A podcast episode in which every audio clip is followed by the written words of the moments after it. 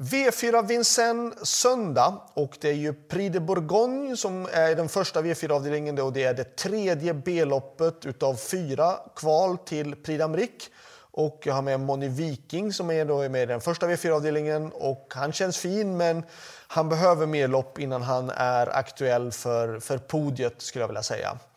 Eh, jag tycker däremot att det finns, det är såklart en Elitloppsvinnaren Honeck har ju dragit det perfekta utgångsläget och det känns som att 2140, 2100 meter är det ju, eh, autostart är ju de perfekta förutsättningarna för han. Så att ett Honeck är ju den solklara första hästen i, eh, i den första V4-avdelningen. Men även tre Ampia Medi SM gjorde ett jättebra lopp senast mot Samotör och hon är den som är rankad tvåa. Sen tycker jag fem Goon Boy är bra. Och likadant nummer 10, eh, Hokado Gell, skulle kunna få loppet bakom Honeck och han är väldigt vass på att spurta. Det är intressant är även 6 Hail Mary som kommer ut eh, och ska göra här starta på Vincennes. Eh, det är klart att han är intressant ju, men de andra har ju bevisad form så att det är klart jag tar med dem först på systemet. Så 1, 3, 5 och 10 i den första V4-avdelningen.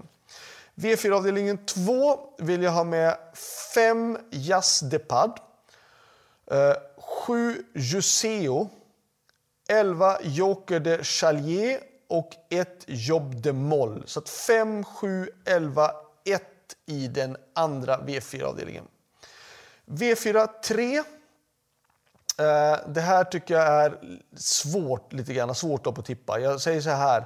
2 Ialla Ialla 3 Idyll du Cadran, 5 Ines de Belev, 9 Island Cash och 10 Italia Jador. Så att 5, eh, nej, 2, 3, 5, 9 och 10 i den tredje V4-avdelningen.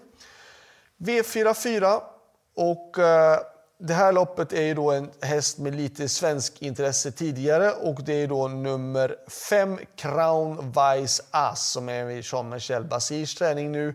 Eh, jag tycker det här loppet är vikt åt honom och jag tycker att han är en intressant spik.